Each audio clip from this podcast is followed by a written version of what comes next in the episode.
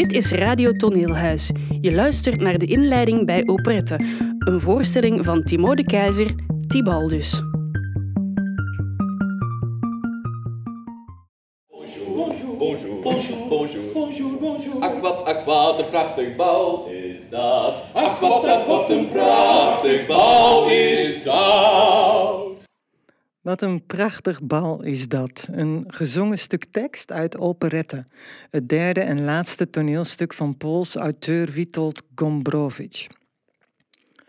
De op het eerste zicht lichte toneelteksten vol banale gebeurtenissen, stereotype personages en absurde rituelen verbergen een zoektocht naar de vorm binnen het vormeloze. Beide met een hoofdletter V, als waren ze een personage. Gombrowicz zoekt het kinderlijke in de volwassenheid. Personages in zijn toneelstukken wisselen voortdurend van positie en rol met een constante stuwing van de taal en het ritme. Timo de Keizer vertelt in Etcetera: Een jonge vrouw wordt een oude man, een zoon, een moeder, een bedelaar, een koning. De ene vermomming ontmaskert de andere. Achter het ene verzinsel verschijnt een ander. De acteur toont die verzinsels en hoe die de werkelijkheid maken en beïnvloeden. Het maken van de verzinsels is echt. Het is aan de acteur om midden in de tegenstellingen te gaan staan, bereid om alle rollen te tonen die hij speelt. Tibaldus ontstaat in 2009 op het Kask in Gent. Timo de Keizer, Simon de Winne en Hans Mortelmans vinden elkaar in hun ontdekkingstocht naar het eerlijke spel. Wat is dat? Waarachtig spelen, authentiek spelen. Hoe koppel je als acteur de door jou vormgegeven werkelijkheid zodanig los van je eigen emoties dat het de toeschouwer lukt om zelf de eigen beleving te ervaren en niet die die door de acteur als het ware wordt opgedrongen? In de opeenvolgende voorstellingen van Tibaldus vind je een nauwkeurig, grondig experiment waarin vervreemdingstechnieken, gezongen tekst, beweging, mime wordt ingezet en waarin vrij radicaal gekozen wordt voor weinig decorum, geen of nauwelijks kostuum.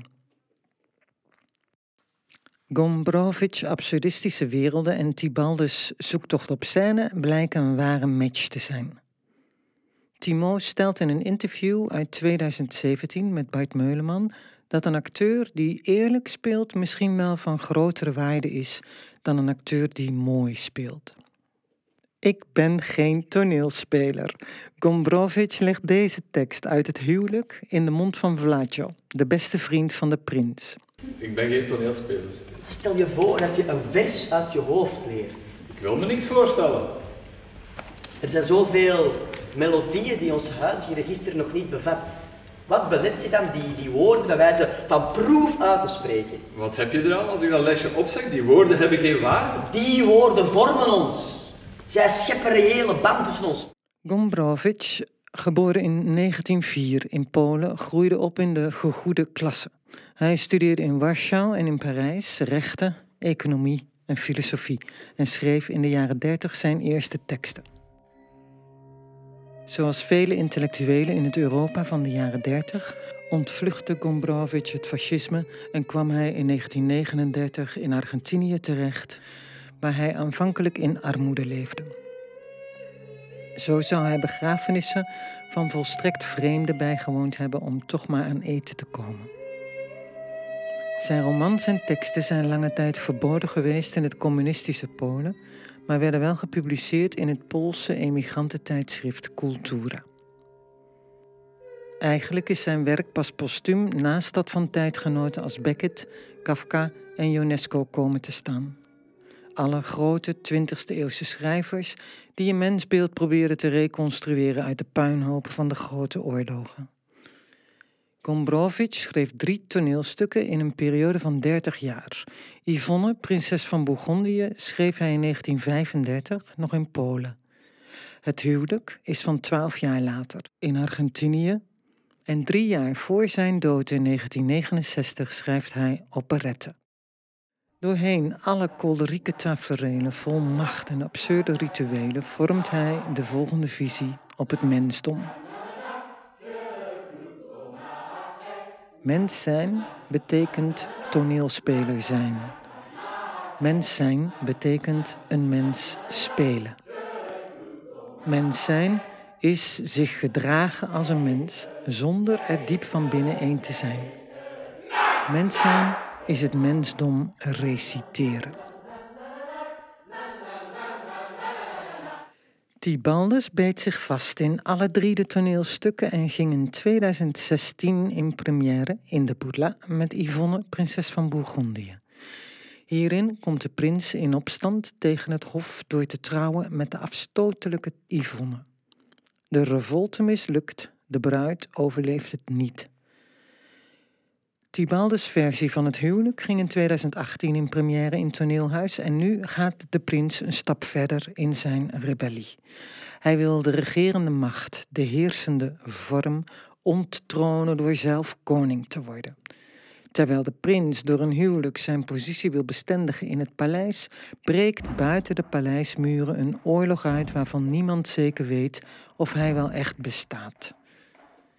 Met operette, dat in 2021 in première gaat in Toneelhuis, stelt Gombrowicz de geschiedenis van de 20e eeuw voor als een reeks kostuumwissels. Daartegenover plaatst hij de mens die zich uit dit proces wil terugtrekken om naakt te kunnen zijn. Luchtig wordt er gefilosofeerd over het raderwerk van de geschiedenis met de hartstocht en de heilige domheid van een operette. Zoals in het huwelijk wordt ook in operette een poging gedaan om de vorm te onttronen. Dit keer niet door de heersende macht zelf, maar door revolutionairen die geïnfiltreerd zijn in het hof. In Tibaldes operette wordt gezongen, gelachen, uitgelachen, gepoetst, gegalopeerd, gedroomd, gevochten, gekotst, gedanst en omgekleed. Voor het eerst gaat de ploeg voluit voor kostuum en daarmee is het misschien wel de meest bonte voorstelling tot nu toe.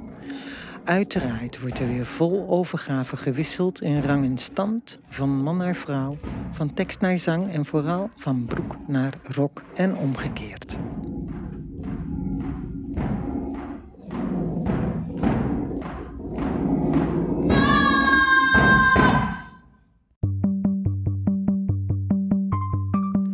Als je meer informatie wilt, luister dan zeker naar aflevering 12 van de Lockdown Radio van Radio Toneelhuis. Hierin vertelt Timo de Keizer over de muzikaliteit in het werk van Tibaldus. Het programma bij Operette is te vinden op de website van Toneelhuis. Nog op die website en op de website van Etcetera vind je teksten van Timo terug over Doen alsof en over de waarde van streekgebonden taal binnen de podiumkunsten. Wat nu volgt is een visuele beschrijving speciaal voor blinden en slechtzienden. Toneelhuis raadt ziende mensen aan om niet te luisteren als je de voorstelling nog niet hebt gezien. We laten de acteurs aan het woord. Ze stellen hun personages voor en beschrijven hun kostuums. Ik ben Stan en ik speel de rol van bankier. Ehm, de bankier heeft uh, een wit hemd aan en een kostuumbroek. En over het witte hemd een gilet met een wandelstok. Daarnaast speel ik ook een lakij. Die, heeft, die hebben alle lakeien hebben rode vesten aan en zwarte broek en lakijschoentjes. En ik speel ook de mama van Albertinette. En die mama is opgedoft met een, uh, met een hemd, een brede rok en een hoed. En een klein sjaaltje over haar schouders. Ik ben Ferre en ik speel de rol van Flor, de meester van de mode. En Flor is gehuld in een soort van uh, handgemaakt maatpak. In prachtig uh, uh, shiny blauw. Met daaronder een soort van roos hemdje met een strikje. En uh, prachtige wat het, mocassins, noemen ze dat denk ik. Met een soort van flos, flosjes aan. dus ja, een soort van Italiaans, uh, heel chic uh, meneertje. En daarnaast speel ik ook nog uh, een lakij, die jammer genoeg woordloos over het podium huppelt. In een soort van rood uh, robbedoes en kwabbernoot jasje. eh, met een zwarte broek, een gouden streep. En heel uh, onderdanig, stil, zwijgend, kijkend. Ik ben Lieven. Ik uh, speel in de voorstelling een aantal instrumenten. Ik speel spinet en ik speel ook op uh, harmonium. Um, en ik ben de volgende personages. Ik ben eerst om te beginnen een lakij. En ik ben daarvoor in een livrei. Um, ik ben verder uh, ben ik de markiezin. En de markiezin is zeer rijkelijk gekleed met veel stof. Een, uh, een zeer hoge, uh, losse rok. Een witte blouse met veel franjes. Uh, ik heb ook, daarover heb ik een, um, een mauve, zeer losse cape met bont. Allee, nepbont. Um, en wat juwelen. En een hoedje. Um, en dan ben ik ook nog een, um, een legerofficier. En daarvoor ben ik in legerkostuum. Uh, dus uh, met een uh, kippie en um, een legerjas en een broek en bottines. zwarte bottines. Ik ben Dunja. Ik speel lakij in een rood jasje en een zwarte broek. En later speel ik hoefnagel. Uh, hoefnagel is graaf en ruiter. Is ooit lakij geweest, maar um, wordt dan revolutionair en infiltreert in het hof. En dat doet hij in een wit ruiterspak hij heeft ook een zweepje en uh, zwarte laarzen. En um, in het tweede deel, na de revolutie, uh, draagt hij ook rode handschoenen en rode lippenstift. Ik ben Mathilde Kazier en ik speel verschillende rollen. De rol van zakkenroller. Uh, ik draag een, een paarse broek en een wit hemd. Ik speel uh, de vader van Albertinette en draag een, uh, een, groen pak en een heel leuk grijs bolhoedje. Uh, ik speel ook nog de rol van uh, en draag een rood lakijpak met een zwarte broek. verder speel ik ook de rol van generaal. ik draag een blauw lange vest met een witte broek en grote zwarte laarzen. Ik heb ook een een, een, een grote hoed op, uh, zoals die van een zeekapitein, die is zwart. En uh, dat is het. Ik ben Sophia. Ik speel Albertinette. Ik draag een lichtblauwe rok, een zalmroos blouseje met een blauwe strik erop. En uh, ik heb blote voeten. En ik speel ook een lakij. En ik heb een rode jas aan met uh, gouden knoppen en een zwarte broek en lakschoenen. En als Albertinette op het bal verschijnt, dan heeft ze heel veel lage kleren aan uh, in allerlei kleuren. Hallo, ik ben uh, Lieselot. Ik speel de rol van Ladislas. Ladislas is de hoofdlakij van alle lakeien. Um, mijn kostuum ziet eruit als een... Ik draag een rode livrei um, en een zwarte broek, witte kousen en zwarte schoenen. En ik speel ook nog de rol van professor. En die draagt een bruine broek, uh, een bruine kostuumbroek met felblauwe kousen onder. En uh, echt zo van die professor saaie schoentjes aan een wit hemd en een bruin getinte gilet. En als accessoire heeft hij ook nog een zakdoek en een monocle. Ik ben Simon. In operette speel ik de prins, prins Maurice.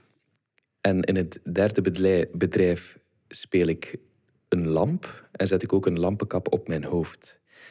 Uh, mijn kostuum als prins is een iets wat groen-grijze vest, zal ik zeggen, met gouden accenten, gouden knopen. Een redelijk oude royale vest. Uh, heeft iets uh, generaalachtig. Ik heb een geel-gouden pofbroek aan, die iets over mijn knie komt. En ik heb ook uh, bruine laarzen. Het lijkt iets tussen uh, rijlaarzen en, uh, of een militaire laars. Um, en daaronder heb ik een wit t-shirt. En dat is enkel in het derde bedrijf te zien. Hallo, ik ben uh, Sander. Ik speel in uh, operette De Pastoor. En ik speel daarnaast ook af en toe een lakij. En als lakij bespeel ik het spinet in de voorstelling. En ik zing ook ehm, alle muziek samen met een aantal andere acteurs. En uh, als pastoor draag ik een lange zwarte soutane met rode accenten. En ik heb ook een rood keppeltje op mijn hoofd. En als lakij ben ik eigenlijk uh, redelijk strak gekleed. Met een zwarte broek, een wit hemd en een lange zwarte jas. Mijn naam is Hans Mortelmans en ik speel de prinses. Ik heet Fernande. Ik speel de vrouw van eh, Simon, van de prins, van Maurice. En mijn kostuum bestaat uit een prachtige, lange, gouden rok. En daar, uh, daarboven een, een, een wit zijde... Ja, hoe moet je dat beschrijven? Een witte zijde blouse die met een ritsluiting wordt dichtgemaakt. En een prachtig uh, halssnoer met parels en goud en een smaragd in het midden. En uh, twee gouden schoenen. En ringen ook. En uh, witte satijnen handschoenen. Ja, ik ben Hendrik en ik speel Baron Virulet, de rival van uh, graaf Agenor. Ik ben uh, gekleed in smoking en hoge hoed en een wit hemd. Uh, ik speel ook de lakij in livrei, dus het is een dubbelrol ook. Um, en als Virulet heb ik een viertal scènes met Marianne de Schutter die de graaf speelt. Ik ben Marianne en ik speel in het stuk Graaf Agenor Himalai, de zoon van de prins en de prinses. Um, ik draag blinkend zwarte schoenen en voor de rest ben ik helemaal in zwart kostuum met een wit hemd, met een vest met lange punten achteraan en een bavet. Uh, en een hoge hoed en een wandelstok heb ik ook bij. Een beetje uh, het tegenovergestelde, of hetzelfde eigenlijk als baron Firulet, uh, met wie ik constant concurreer. Operette staat bol van de personages. En dan worden mannenrollen ook nog eens gespeeld door vrouwen en vice versa. Bijna iedereen en alles krijgt een entree in vrolijke zangstijl. De acteurs spelen in een commedia dell'artige vorm, vaak in strakke lijnen. Naast elkaar en tegenover elkaar. Een sterk fysieke manier van acteren met geabstraheerde bewegingen om aan te tonen hoe hoog in rang men staat of hoe artistiek belangrijk men is. Een strijd tussen de graaf en de baron wordt bijvoorbeeld verbeeld met een choreografie van handbewegingen in profiel, alsof ze trotse fazanten zijn in gevecht. Dit alles krijgt uiteraard een vrij klungelige aanblik, zeker wanneer je beseft dat de aristocratie en bourgeoisie in verval zijn en dat de opstandelingen er zich nauwelijks van bewust zijn welk galopperend paard ze achterna hollen.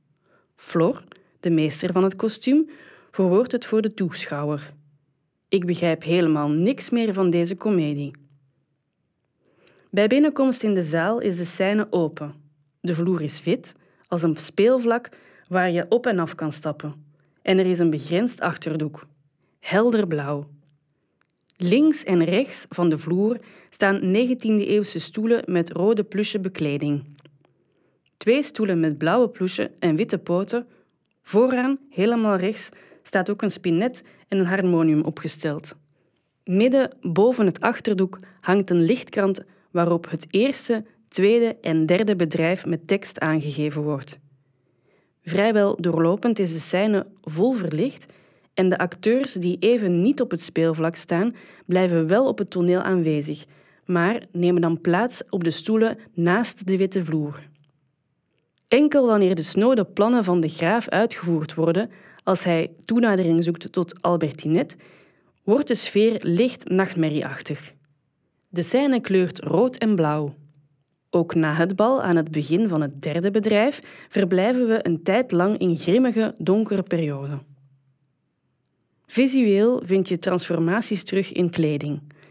Na verloop van tijd steken de personages minder en minder strak in het pak en in het laatste bedrijf heeft bijna niemand nog schoenen aan. Het eerste bedrijf start met de tekst Een plein voor een kerk, wandelplaats met bomen en zitbanken. Het achterdoek is helder blauw en twee eerder genoemde blauwe stoelen zullen later vooraan links geplaatst worden. Albertinet valt erop in slaap.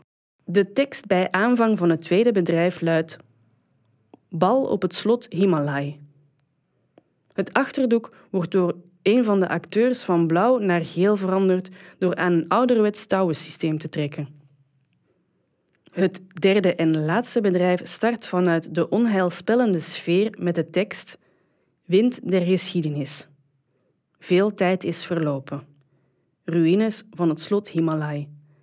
Het is al na de oorlog en na de revolutie van het proletariaat. De kleding is krankzinnig geworden. Stalmeester Hufnagel galoppeert aan het hoofd van het escadron lakeien en achtervolgt fascisten en bourgeoisie. Meester Flor, ontredderd en verbijsterd, probeert zich te oriënteren in deze nieuwe moderevue. Het achterdoek is rood geworden. Theaterrood, vloersdoek. De prins en de prinses blijken vermomd in een lamp en een tafel, letterlijk in het kostuum vertaald.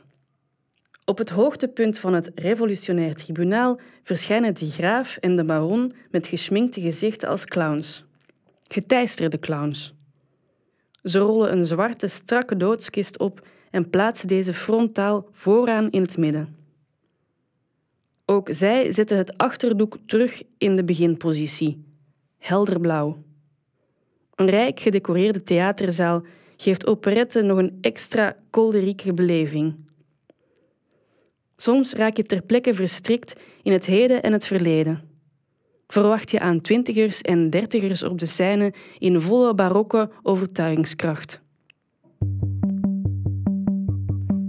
Toneelhuis organiseert live audiobeschrijvingen tijdens matineevoorstellingen in de Boerla.